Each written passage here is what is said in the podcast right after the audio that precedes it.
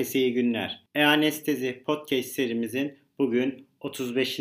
ile yine karşınızdayım. Bugün nöromüsküler blokajların monitorizasyonundan bahsedeceğim. Hazırsanız haydi başlayalım.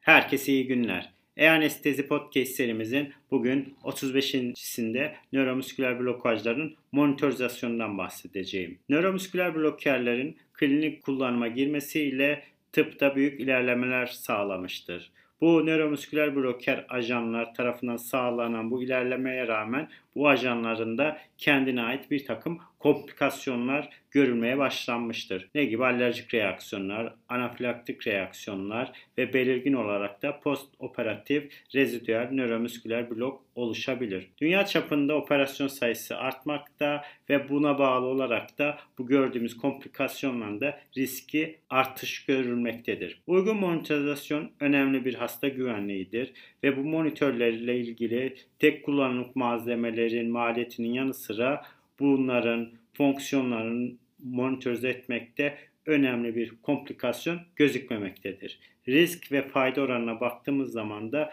bu monitorizasyon lehine gözükmektedir. Nöromüsküler bloke edici ajanların hasta duyarlılığındaki farklılıklar nedeniyle orta veya uzun süreli nöromüsküler ajanların verilen tüm hastaların nöromüsküler fonksiyonları monitörize edilmesi gerekiyor aslında. Periferik sinir stimülatörü anestezi indüksiyonu sırasında paralizinin başlaması veya kısa etkili ajanların sürekli infüzyon bloğunda da yeterliliğini saptanmasında da bizlere yardımcı olmaktadır. Anestezi altındaki hastada kas gevşeticilerin sinir kas iletimini etkilerini değerlendirmek için biz aslında ne yapıyoruz? Kas gücünü göstermek için ağız ya da gözü açmasını, dil çıkarmasını, öksürmesini, yutkunması gibi işlevleri yapıp yapmamasına bakıyorduk yumruk sıkma kuvvetinde bir azalma varsa veya başını yataktan kaldırıp bir süre tutabilmesi gibi klinik gözlemleri kullanıyorduk. Hastanın yutkunabilmesi kas gücünün yerine geldiğinin değerli bir klinik işaretidir. Fakat bunlar da yine yeterli gözükmüyor. Yutkunma için yeterli solunum için gerekli olandan daha fazla olarak aslında bir negatif basınç yaratılması da gerekmektedir. Bebeklerde ise bebek bacaklarının kalçada fleksiyona getirmesi kas güçlüğünün yeterliliği için bir klinik göstergede olabilmektedir. Sinir kas iletimini değerlendirmek için de bazen biz ne yapıyoruz? Solunum fonksiyon testlerinden de yararlanıyorduk. Ne gibi? Volümün vital kapasitesine, maksimum inspiratuar volümüne, maksimum inspiratuar veya ekspiratuar kuvvetlerin ölçümünden de faydalanıyorduk. Fakat solunum fonksiyonlarının bu amaçla tek başına kullanılması yeterli gelmiyor. Çünkü narkotik ve hipnotik ilaçlar, inhalasyon anestezikleri de solunumu deprese edecekleri gibi solunum fonksiyonları normal olduğu halde sinir, kas iletiminde belirgin depresyonlar da oluşturabiliyor. Bu yöntemlerin çoğu istemli kas gevşetici gerektirdiğinden anestezide hastada veya çocuklarda yararlı olmamaktadır. Ve bunun için de biz bunları klinik kullanımın dışında monitörize etme ihtiyacı doğmuştur. Cerrahi sonunda kas gevşekliğinin geri döndürülmesi, postoperatif rezidüel blok ihtimallerinin ortadan kaldırılması için iyi bir sinir kas kavşa monitorizasyonu ile sağlıyoruz. Monitorizasyon, entübasyon ve ekstübasyon için ideal zamanın bilmesini sağlayıp gereksiz ve aşırı kas gevşetici kullanımını da azaltıyor. 1941'de tanımlanan yöntem 1958'de kullanıma girmiştir.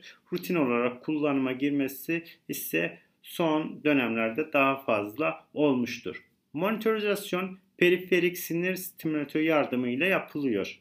Basit olarak yüzeyel bir sinire elektriksel uyarı veren bir cihaz ve bunun kasta yarattığı kontraksiyonları algılayıp görsel verilere çeviren bir monitörden ibarettir aslında basitçe. Vizüel, taktil, mekanomiyografi veya elektromiyografi gibi yöntemlerle de monitörize ediliyor. Elektrik akımı yüzeyel bir sinir üzerine yerleştirilen iki elektrot ile veriliyor. Bu elektrot iğne, metal veya jel elektrotlarla olabilir. Günümüzde ise daha çok jel elektrotlar tercih edilmektedir. Sinir trasesi üzerine negatif elektrot bu genellikle siyah ile distale, kırmızı ile gösterilen ise pozitif yüklü proksimale yerleştiriliyor. Kas kontraksiyonu, cilt direnci, voltaj, akım, dalga formu, devredeki yük değişiklikleri ve ısı gibi faktörlerden etkilenip yanlış sonuçlar da verebilmektedir. Onun için bunlara da dikkat etmek gerekiyor. Bu nedenle bazı özelliklere dikkat etmemiz gerekiyor. Sabit akımlı bir cihaz olmalıdır aslında bu cihazlar. Supramaksimal uyarı yani maksimal kas kontraksiyon için gerekli olandan %20-25 fazla akım verebilmelidir. Klinik uygulamada bu 20 miliamperden başlayarak kademeli olarak artırılır ve maksimum yanıt alınan akıma göre ayarlanabilen cihazlardır. Dalga formu genellikle monofazik ve dikdörtgen olmalıdır. Optimal uyarı süresi 0.2 ile 0.3 milisaniye olmalıdır. 0.5 milisaniyeyi aşan uyarılar kası doğrudan uyarabilmektedir. Cilt temizlenmeli, elektrotlar ve cilt arasında kıllar, plaster artıkları gibi benzeri maddeler olmamalı. Cilt ısısı 35 santigrat derecenin altında ise seyirme yüksekliğinde azalmaya neden olabilmektedir. Onun için hipotermik durumlarda yanlış sonuçlar verebiliyor. 32 santigrat derecenin altındaki vücut sıcaklığında monitorizasyon güvenli olmayabiliyor. Sinir stimülatörünün özelliklerine baktığımız zaman monitorizasyon periferik bir sinir uyarılmasını inerve eden kasın yanıtın değerlendirmesini içermektedir. Sinir stimülatörleri periferik sinir stimülatörleri olarak da adlandırılıyor genellikle. Genel olarak yüzeyel yani deri elektrotlarına bağlı kablolar aracılığıyla uyarı sağlayan pilli olabiliyor ya da elde taşınabilen üniteler ya da bizim monitör ettiğimiz cihazlara bir monitörde edebiliyoruz. Nöromüsküler monitörler ya pille çalışan taşınabilir cihazlardır ya da dediğim gibi modüler üniteler olarak da anestezi monitörlerine de dahil edilebiliyor. Sinir stimülatörleri 0 ile 70 mA arasında bir dizi akım sağlıyor. Sinir stimülatörleri tarafından üretilmiş impuls kare dalga paternine sahip olmalıdır. Bifazik vurular tekrarlayan sinir uyarılmasını indükleyebiliyor. Nörostimülatör yoğunluğu, akımın ve stimülasyonun süresinin bir ürünüdür aslında. Akım, impuls süresi boyunca sabit olmalı. Akım direnci azaltan cilt ile gümüş, gümüş klorürle ara yüzeyine sahip yüzeyel stimülatör elektrotlar yoluyla iletiliyor. Yüzey elektrotları invazif transkütenöz iğne elektrotlar da olabilmektedir. E, optimal iletken yüzey alanı genellikle 7-8 mm çapında dairesel olmalıdır. Yüzeyel elektrotlar invazif dediğim gibi transkütenöz iğnelerle olabiliyor. Fakat bugün artık yapışkan elektrotlar şeklinde kullanılıyor. Bu alan periferik sinirleri depolarize etmek için yeterli akım yoğunluğu sağlıyor genellikle. Cilt çok yüksek dirence sahip olabilir ve cildin üzerine yerleştirilmek ve gümüş klorür jelin dermisi nüfus etmesi için en az 15 dakika bırakılması gerekiyor. Deri direnci 5000 ohm altına düşecek bir sabit maksimum bir akımın verilmesini sağlamalıdır. Hızla zayıflayan seyirmelerin sonuçların seyirme sayısı ile postatanik sayı olarak karşımıza çıkıyor ve daha düşük bir postatanik sayım daha derin bloğu aslında bize gösterir. Bunu daha sonraki derslerimde anlatacağım. Bu nöro monitorizasyonu sağlayan cihazların bir kontraindikasyonu yoktur. Fakat belli bölgeler cerrahi girişimlerle engellenmiş olabiliyor. Bunlar hemipleji veya sinir hasarı alanlarındaki atrofiye bağlı olarak kas reseptörlerin proliferasyonuna sekonder olarak nöromüsküler blokaja direnç gösterebiliyor. Onun için bu gibi durumlara dikkat etmek gerekiyor. Bu tür bir ekstremiteyi kullanarak nöromüsküler blokajın derecesini saptama, kompetitif bir nöromüsküler bloke edici olanların aşırı doza yol açabiliyor. Onun için bunlara dikkat etmek gerekiyor. Bir periferik sinir üst kısmına yerleştirilen bir çift EKG gümüş klorür pedi veya deri altı iğne elektrotlar ile akım sağlanıyor. Bu akımda genellikle 60 ila 80 mA şeklindedir.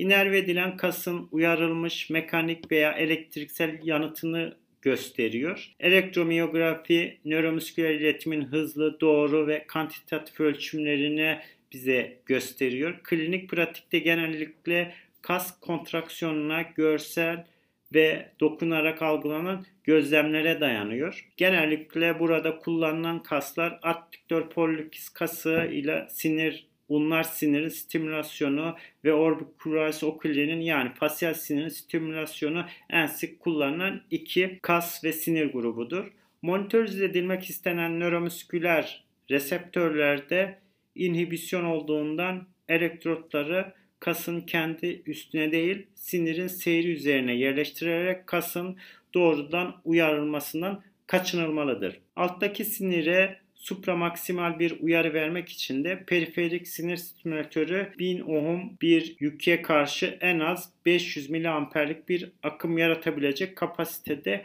olması gerekiyor. Bu akım bilinçli bir hasta için rahatsız edici olabilir. Onun için buna dikkat etmek gerekiyor. Sinir stimülasyonunun komplikasyonlarında dediğim gibi önemli bir komplikasyonu yok. Fakat yapıştırılan bölgede bir deri iritasyonu veya yapışkanların olduğu yerlerde deri abrasyonlarına neden olabilir. Bunlara dikkat etmek gerekiyor. Monitorizasyon yöntemlerine baktığımız zaman ise ilk sinir stimülatörü 0,1 ila 10 Hz arasındaki frekanslarda tekli tekrarlayan stimülasyonlar vermekteydi. Fakat kas yanıtının stimülasyonu için daha sonradan sıklığı 0,1 Hertz'i aşmaması gerektiğini gösteren çalışmalar olmuş ve bu stimülasyon oranlarında kas yorgunluğu ortaya çıkabiliyor. Onun için bunlara dikkat etmemiz gerekiyor. Nöromüsküler blokun derecesini ölçmek için de akımın yoğunluğu 0 miliamperden 5 ila 10 miliamperlik adımlarla aşamalı olarak artırılması gerekiyor uyarılmış kas yanıtının amplitüdü zamanla çizilir ve sigmoidal bir şekle sahip olması gerekiyor. Akım yoğunluğu arttıkça kas yanıtının amplitüdü artıyor. Yanıt maksimumdur ve gelen akım maksimal akım olarak da adlandırılmaktadır. Maksimum seviyenin %20 üzerinde artan akım değeri zamanla deri direncindeki değişikliklere rağmen iner ve sinirdeki tüm liflerin depolarize olmasını sağlıyor ve biz buna da supramaksimal akım diyoruz.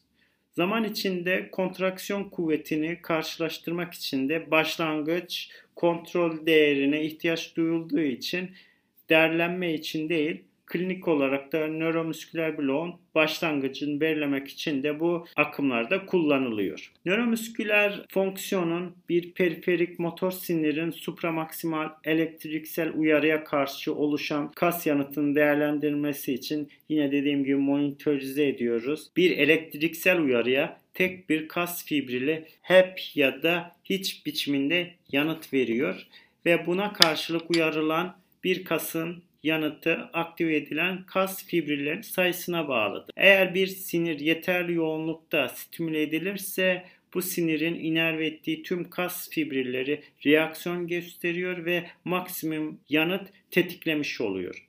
Nöromüsküler bloker ajan uygulandıktan sonra kasın stimülasyona yanıtı depresi olan fibril sayısı ile paralel olarak azalmaktadır. Sabit stimülasyon koşullarında yanıttaki azalma nöromüsküler bloğun derecesini bize gösteriyor. Değerlendirmenin doğru olması için stimülasyon supramaksimal olması gereklidir. Elektriksel stimülasyon maksimal bir yanıt için gereken en azın %20-25 üzerinde olması gerekiyor. Elektriksel impulsun süresi ve dalga boyunun karakteri de bizim için önemli. Bunu daha sonra anlatacağım. Impuls monofazik ve dikdörtgen dalga şeklinde olmalıdır. Bifazik bir uyarı sinirde aksiyon potansiyelin patlamasına neden olacağından stimülasyona yanıt da artacak. Optimal uyarı süresi 0.2 ile 0.3 milisaniye olması gerekiyor. 0.5 milisaniyeyi aşan bir impuls kası doğrudan stimüle edebilir ya da yenileyen tetiklemelere neden olabilir. Onun için buna da dikkat etmek gerekiyor. Sinir stimülasyonunun belirleyicisi akım olduğu için sabit akımlı stimülasyon ve sabit voltajlı stimülasyon genellikle tercih ediliyor. Güvenlik nedeniyle stimülatör pil ile çalışmalı ve pil durumunun da göstergesi olması gerekiyor. Bu küçük ayrıntılar ama önemli. Elektriksel uyarılar stimülatörden sinire yüzeyel veya iğne tip elektrotlar ile iletiliyor. Yüzey elektrotları anestezi daha sıklıkla biz kullanıyoruz. Çünkü iğne tipleri daha ağırlı olduğu için artık günümüzde yapışan elektrotlar şeklinde. İki tip yüzey elektrotu vardır. Kauçuk elektrotlar ve tek kullanımlık önceden jellenmiş gümüş, gümüş klorür elektrotlarıdır. Her iki tip elektrotta da başarıyla kullanılıyor. Sinir kas bloğun değerlendirilmesinde sinirlerin uygun yöntemli uyarılması önemli bir ön koşul olmasına rağmen transkutan elektriksel uyarı için de ilk olarak yüzeyden seyreden tüm motor sinirler için kullanılıyor. Sinir uyarısı bir ekstremitenin tamamında kas hareketini yol açmaması gerekiyor. Buna dikkat etmemiz gerekiyor. Cerrahi girişim yerinin yakınındaki kaslar gibi kasları doğrudan uyarılmasından kaçınmamız gerekiyor.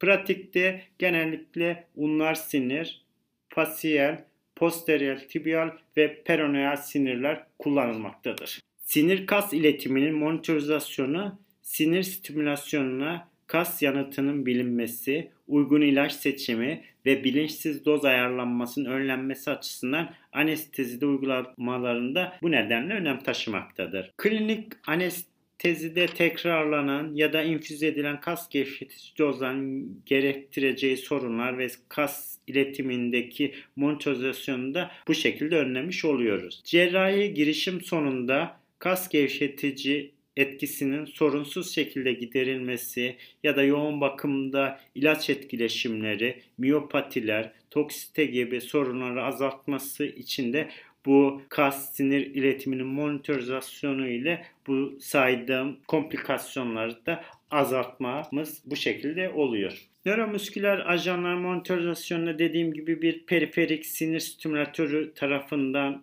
aslında üretilen bir elektriksel stimülasyon ile ortaya çıkan mekanik uyarılmış cevapların değerlendirilmesi ve bu nöromüsküler blokerlerin farmakolojik etkisini değerlendirmesi için iyi bir yöntem. Periferik bir sinir stimülatörünün kullanımı nöromüsküler blokerlerin istenen farmakolojik etki elde etmemiz için titredilmesini ve cerrahinin sonunda antikolинesteraz ilaçların kullanımıyla spontan olarak değerlenme cevabının değerlendirilmesinde bize yardımcı olmaktadır. Ve sıklıkla dediğim gibi bilek veya dirsekteki unlar sinir üzerine ya da yüzün lateralindeki fasyal sinir üzerine elektrotların yerleştirilmesiyle kullanıyoruz.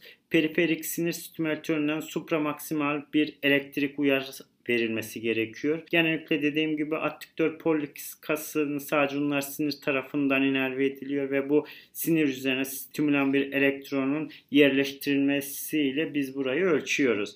Fasyal sinir için de dediğim gibi orbicularis oculi kasının monitorizasyonu kantite etmek zor olsa da üst ekstremiten pozisyonu nedeni unlar sinir yanıtları gözlenmediğinden bu fasyal siniri de kullanmış oluyoruz. Fasyal sinir stimülasyonuna orbicularis oculi cevabının incelenmesinin unlar sinir stimülasyonuna adduktör pollicis cevabı ile karşılaştırıldığında laringeal gevşeme hakkında daha iyi bilgi vermesidir. Bu ise adduktör polisiste maksimal etkiye erişildiğinde laringeal paralizinin geçmeye başlamış olma olasılığıdır. Buna karşı olarak da succinylkolin verildiğinde unlar sinirle inerve edilen kaslar ve laringeal kaslardaki gevşeme eş zamanlıdır. Succinylkolin kullanıldığında addüktör polisisteki seyirme cevabı laringeal addüktörlerdeki cevap ile paralellik gösterdiği çalışmalar mevcut. Bugün nöromüsküler blokerlerin monitorizasyonuna kısa bir giriş yaptık. Ne anlamda kullanıldığını, bize klinik anlamda niçin önemli olduğundan bahsettim. Evet, dinlediğiniz için ben teşekkür ediyorum. İyi günler.